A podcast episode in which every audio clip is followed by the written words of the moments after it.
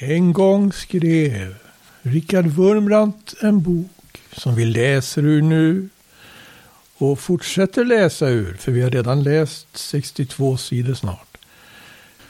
Och denna gång får vi höra om många samtal som Wurmbrandt hade med olika personer från olika skikt i samhället efter sin frigivning från den andra fängelsevistelsen. Och det här blev ju en förberedelse för att han emigrerade på uppdrag av den underjordiska församlingen i 1960-talets Rumänien. Kommunisterna, som ofta i sin tro är lika uppriktiga som de kristna i sin, går nu igenom en kris. De hade verkligen trott att kommunismen skulle skapa ett broderskap bland nationerna. Nu ser de istället att kommunistiska länder skäller på varandra som hundar. De hade verkligen trott att kommunismen skulle skapa ett jordiskt paradis istället för vad de kallar det illusoriska paradiset i himmelen. Och nu svälter deras folk.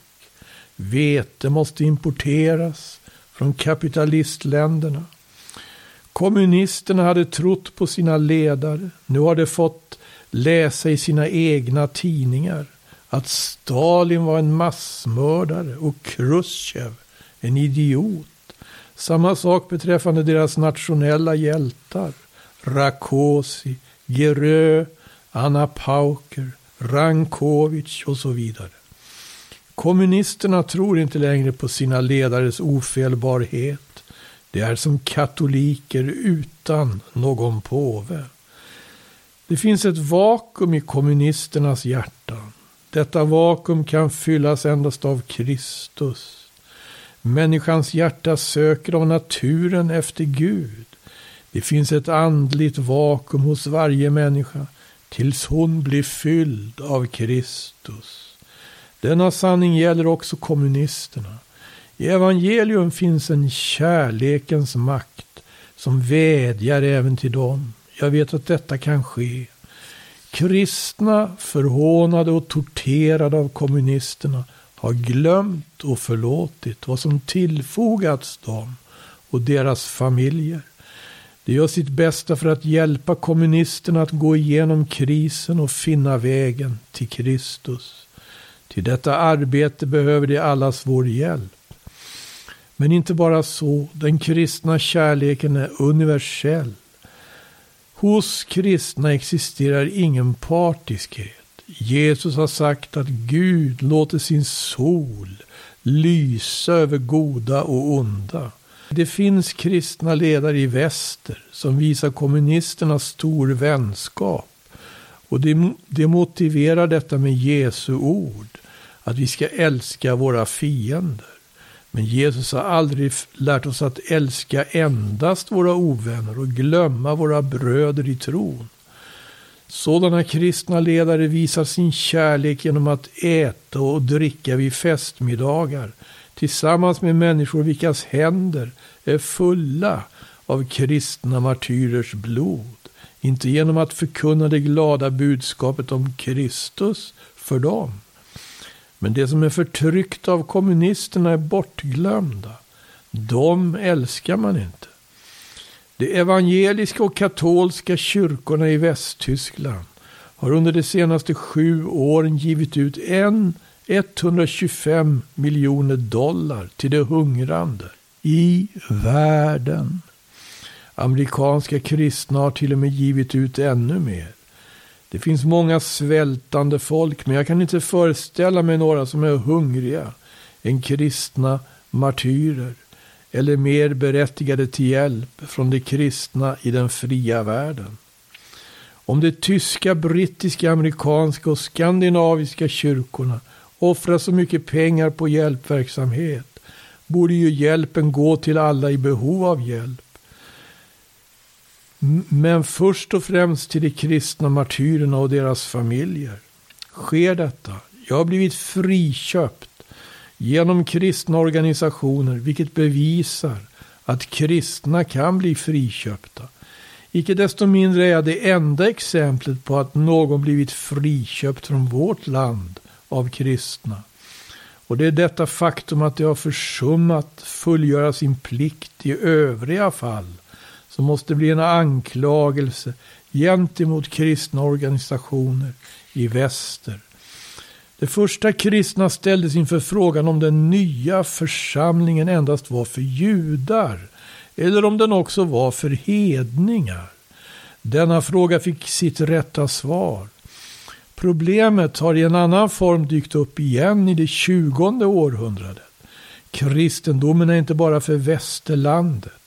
Kristus hör inte endast till Amerika, England och andra demokratiska länder. När Jesus blev korsfäst var hans ena hand utsträckt åt väster och den andra åt öster. Han önskar bli konung inte bara över judarna utan över alla nationer. Även över kommunisterna. Jesus sa inte gå ut i den västerländska världen utan han sa gå ut i hela världen och predika för allt skapat. Han gav sitt blod för alla och alla bör få höra och tro evangelium. Vad som särskilt styrker oss i vårt beslut att predika evangelium i de kommunistiska länderna är det faktum att de människor som där blir kristna blir uppfyllda av en mycket stor kärlek och nitälskan. Jag har aldrig någonsin mött en enda rysk kristen som varit ljum i sin tro. Tidigare unga kommunister brukar bli föredömliga Kristi lärjungar. Kristus älskar kommunisterna och önskar frigöra dem från kommunismen. Liksom han älskar syndare och önskar befria dem från synden. Somliga kristna ledare i väster intar istället för denna, den enda rätta inställningen, en helt annan. Eftergivenhet gentemot kommunismen. Det favoriserar synden. Det hjälper kommunismen att triumfera och står därigenom i vägen både för kommunisternas och deras offers frälsning. Nästa stycke har rubriken Vad jag fann efter min frigivning. När jag efter frigivningen från fängelset åter var hos min hustru frågade hon mig vad jag hade för planer för framtiden. Jag svarade det ideal som förespeglar mig är ett liv i andlig avskildhet. Min hustru svarade att hon hade haft samma tanke för sin egen del.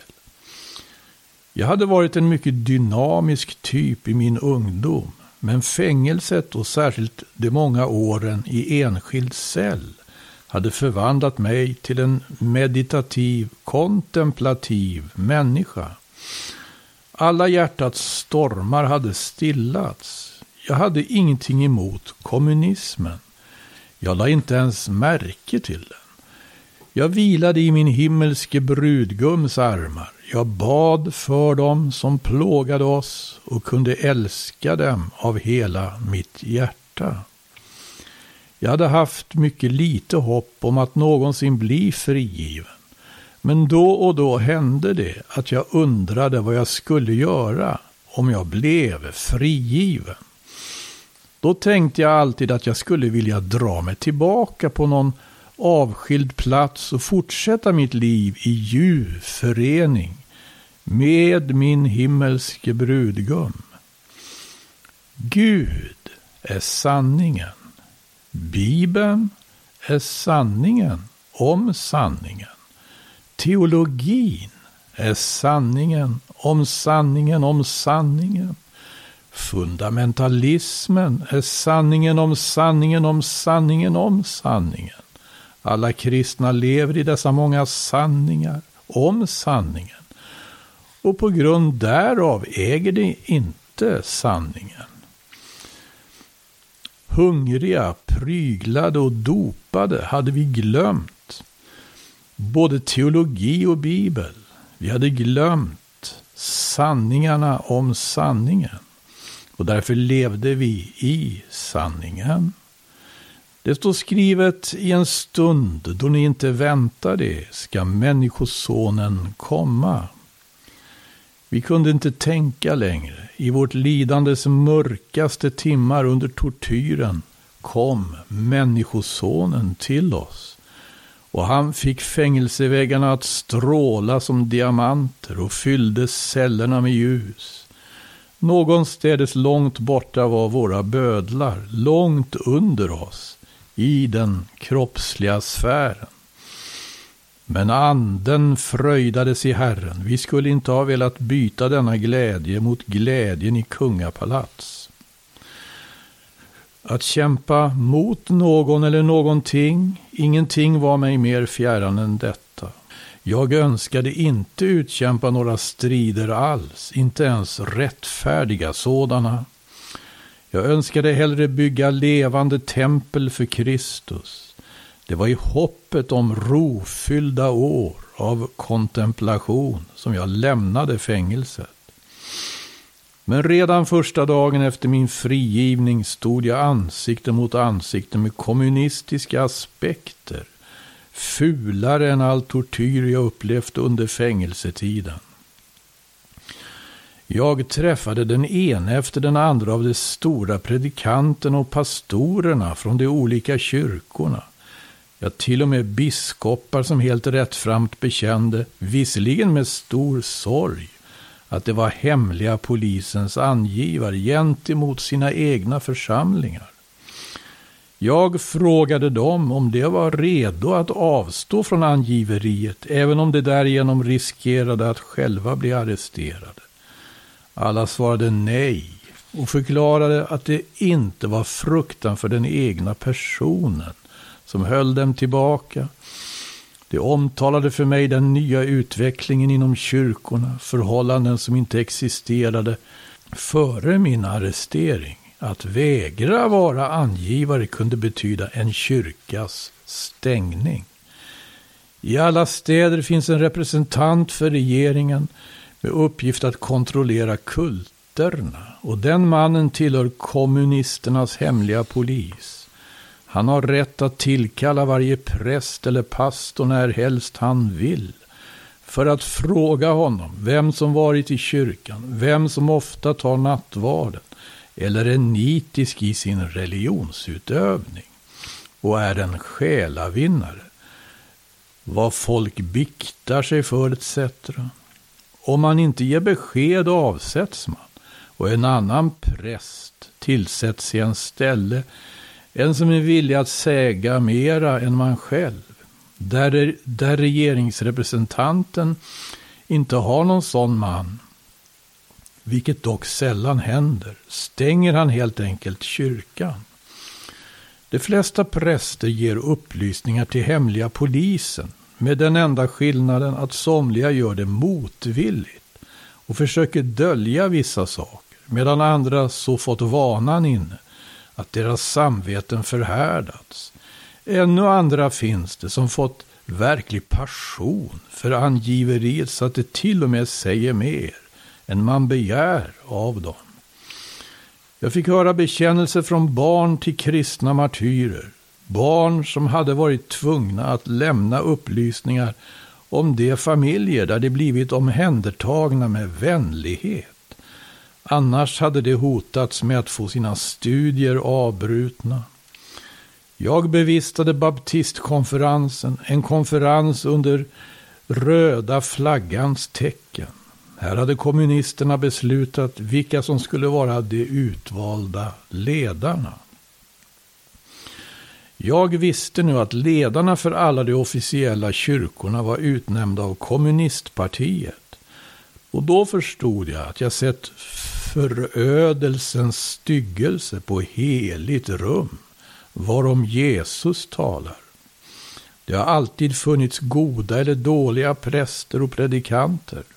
Men nu är det första gången i kyrkohistorien som ett erkänt ateistiskt partis centralkommitté vars öppet förklarade syfte är att utrota religionen, bestämmer vem som ska förestå en kyrka. Att förestå, för vilket syfte? Helt säkert för att hjälpa till att utrota religionen. Lenin har skrivit, varje religiös tanke, varje idé om Gud, ja varje koketterande med tanken på existensen av en Gud är en obeskrivligt stor ondska av allra farligaste slag. En avskyvärd besmittelse. Miljoner synder, ondskefulla gärningar, våldsdåd eller fysisk besmittelse är långt mindre farliga än den subtila andliga föreställningen om en Gud. Alla kommunistpartier i hela Sovjet är leninistiska. För dem är religionen värre än cancer, tuberkulos eller syfilis. Och sådana människor bestämmer vilka som bör vara de religiösa ledarna. Och med sådana är det som ledarna för de officiella kyrkorna samarbetar genom, ett, genom att mer eller mindre kompromissa med sina samveten.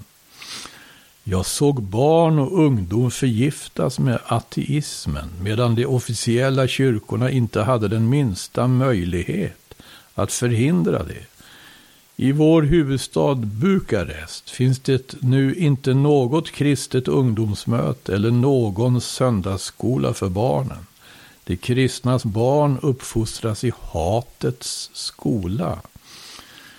Det var sedan jag sett allt detta som jag började hata kommunismen så som jag inte ens hade hatat den då jag var utsatt för dess tortyr.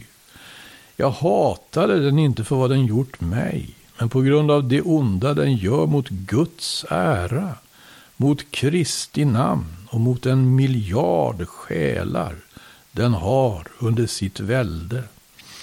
Bönder från hela landet kom för att träffa mig och omtalade hur kollektiviseringen genomförts. Det var nu hungriga slavar på sina före detta egna fält och vingårdar. De hade inget bröd, deras barn hade ingen mjölk, ingen frukt. Och detta i ett land med naturliga rikedomar som kan mäta sig med Kanans land i biblisk tid. Troende bekände för mig att kommunistregimen hade gjort dem till tjuvar och lögnare. På grund av hunger måste de stjäla från det som ursprungligen varit deras egna fält, men som nu tillhör kollektivet. Sedan måste de ljuga för att dölja sin stöld. Arbetare berättade för mig om terrorn i fabrikerna och om en exploatering av arbetskraften som kapitalisterna aldrig drömt om. Arbetarna hade ingen rätt att strejka. De intellektuella måste mot inre övertygelse lära sina elever att det inte finns någon Gud. Både det yttre livet och tankelivet hos en tredjedel av världens befolkning har förstörts och förfalskats. Unga flickor kom för att klaga att de blivit kallade till den kommunistiska ungdomsorganisationen och förebrotts och hotat för att de hade pussat någon kristen pojke. Namnet på en annan pojke som de kunde få pussa föreslogs då. Allting var i ett förtvivlat tillstånd vedervärdigt och falskt. Sedan träffade jag troskämparna från den underjordiska kyrkan, mina kamrater från för länge sedan av vilka somliga undgått att bli fängslade och andra börjat kampen på nytt sedan de frigivits ur fängelset. De besökte mig för att be mig ta upp kampen tillsammans med dem. Jag deltog i deras hemliga möten vid vilka de sjöng ur handskrivna sångböcker. Jag kom att tänka på den heliga Antonius den store. Han hade, vis han hade vistats 30 år i öknen. Han hade lämnat världen helt och hållet och ägnade all sin tid åt fasta och bön. Men när han fick höra om striden mellan Athanasius och Arius angående Kristi gudom lämnade han sitt kontemplativa liv och begav sig till Alexandria för att hjälpa sanningen till seger. Jag tänkte på den helige Bernard av Clairvaux. Också han var munk och levde högt uppe bland bergen. Men när han fick höra om korstågens dårskap, om hur kristna dödade araber och judar och sina trosbröder av annan övertygelse för att erövra en tom grav, då lämnade han sitt kloster och steg ner från sina höjder för att predika mot korstågen. Jag beslöt göra vad alla kristna måste göra. Följa Kristi exempel, liksom aposteln Paulus och alla de heliga med honom ge upp tanken på att dra mig tillbaka och uppta striden. Vilket slags kamp skulle det bli? De kristna i fängelset hade alltid bett för sina fiender och avlagt ett gott vittnesbörd för dem. Våra hjärtans åstundan var att motståndarna skulle bli frälsta och vi fröjdades varje gång detta inträffade. Men jag hatade det ondskefulla kommunistiska systemet och önskade stärka den underjordiska kyrkan. Den enda makt som genom evangeliets kraft kan störta detta tyranni. Jag tänkte inte bara på Rumänien utan på hela kommunistvärlden. Men jag har mött mycket likgiltighet i den västliga världen. Författare runt hela världen protesterade när två kommunistförfattare, Sindjavskij och Daniels, av sina egna kamrater dömdes till fängelsestraff. Men kyrkorna protesterar inte när kristna sätts i fängelse för sin tros skull. Vem bryr sig om broder Kusuk som dömdes för brottet att sprida giftiga kristna skrifter såsom Torrys småskrifter eller bibeldelar? Giftiga inom citationstecken. Vem vet något om broder Prokofjev dömd för att ha spritt stencilerade predikningar? Vem känner till Grunwald, en kristen av judisk börd, dömd i Ryssland för liknande förseelser inom citationstecken och från vilken kommunisterna dessutom för resten av livet för, fråndömde rätten att se sin lille son. Jag vet vad jag kände när jag blev tagen bort från min son, Michai, och jag lider med broder Grunwald, Ivanenko, farmor Shevchuk, Ta, Taisia Kachenko, Jekaterina Vekazina, Georgi Vekazin, makarna Pilat i Lettland och många fler. Namn på helgon och troshjältar i det tjugonde århundradet. Jag vill böja mig ner för att kyssa deras kedjor, liksom den första tidens kristna överallt kysste kedjorna på sina trossyskon när dessa fördes bort för att kastas inför de vilda djuren. Somliga kyrkoledare i väster bryr sig inte om dessa troshjältar. Martyrernas namn står inte på deras bönelistor. När de dömdes och torterades blev de officiella baptistiska och ortodoxa ledare som hade angivit och förrått dem med stor ära mottagna i New Delhi och Genève samt vid andra konferenser. Där försäkrades det att full religionsfrihet tillämpas i Ryssland. En ledare i kyrkornas världsråd kysste den bolsjevikiske ärkebiskopen Nikodim när denne avgav en sådan försäkran sedan åt en stor festmåltid tillsammans i kyrkornas världsråds imponerande namn. Under det att de heliga i fängelse åt kol med osköljda tarmar, alldeles som jag själv gjort i Jesu Kristi namn. På detta sätt kan det inte få fortsätta. Den underjordiska kyrkan beslöt att jag skulle lämna landet om möjlighet därtill yppade sig och underrätta er om vad som försiggår. Jag har beslutat att skarpt fördöma kommunismen fastän jag älskar kommunisterna. Jag kan inte finna att det är rätt att predika evangelium utan att fördöma kommunismen. Somliga säger till mig, predika det rena evangeliet. Detta påminner mig om att även kommunisternas hemliga polis uppmanade mig att predika Kristus men inte nämna kommunismen. Är det verkligen så att dessa som talar för ett rent evangelium är inspirerade av samma ande som den kommunistiska hemliga polisen? Jag vet inte vad detta så kallade rena evangelium består i. Var i så fall Johannes döparens predikan ren eller ej? Han sa inte endast gör sinnesändring, ty himmelriket är nära. Han sa också du, Herodes, handlar illa. Han blev halshuggen därför att han inte inskränkte sig till abstrakt undervisning. Jesus höll inte endast sin rena bergspredikan utan även något som vissa kyrkoledare i vår tid skulle ha kallat en negativ predikan. Han sa, ve er, farisé, ni skrymtare, ni huggormars avföda. Det var för sådan oren predikan inom citationstecken som han korsfästes. Fariseerna skulle inte ha gjort något oväsen av bergspredikan.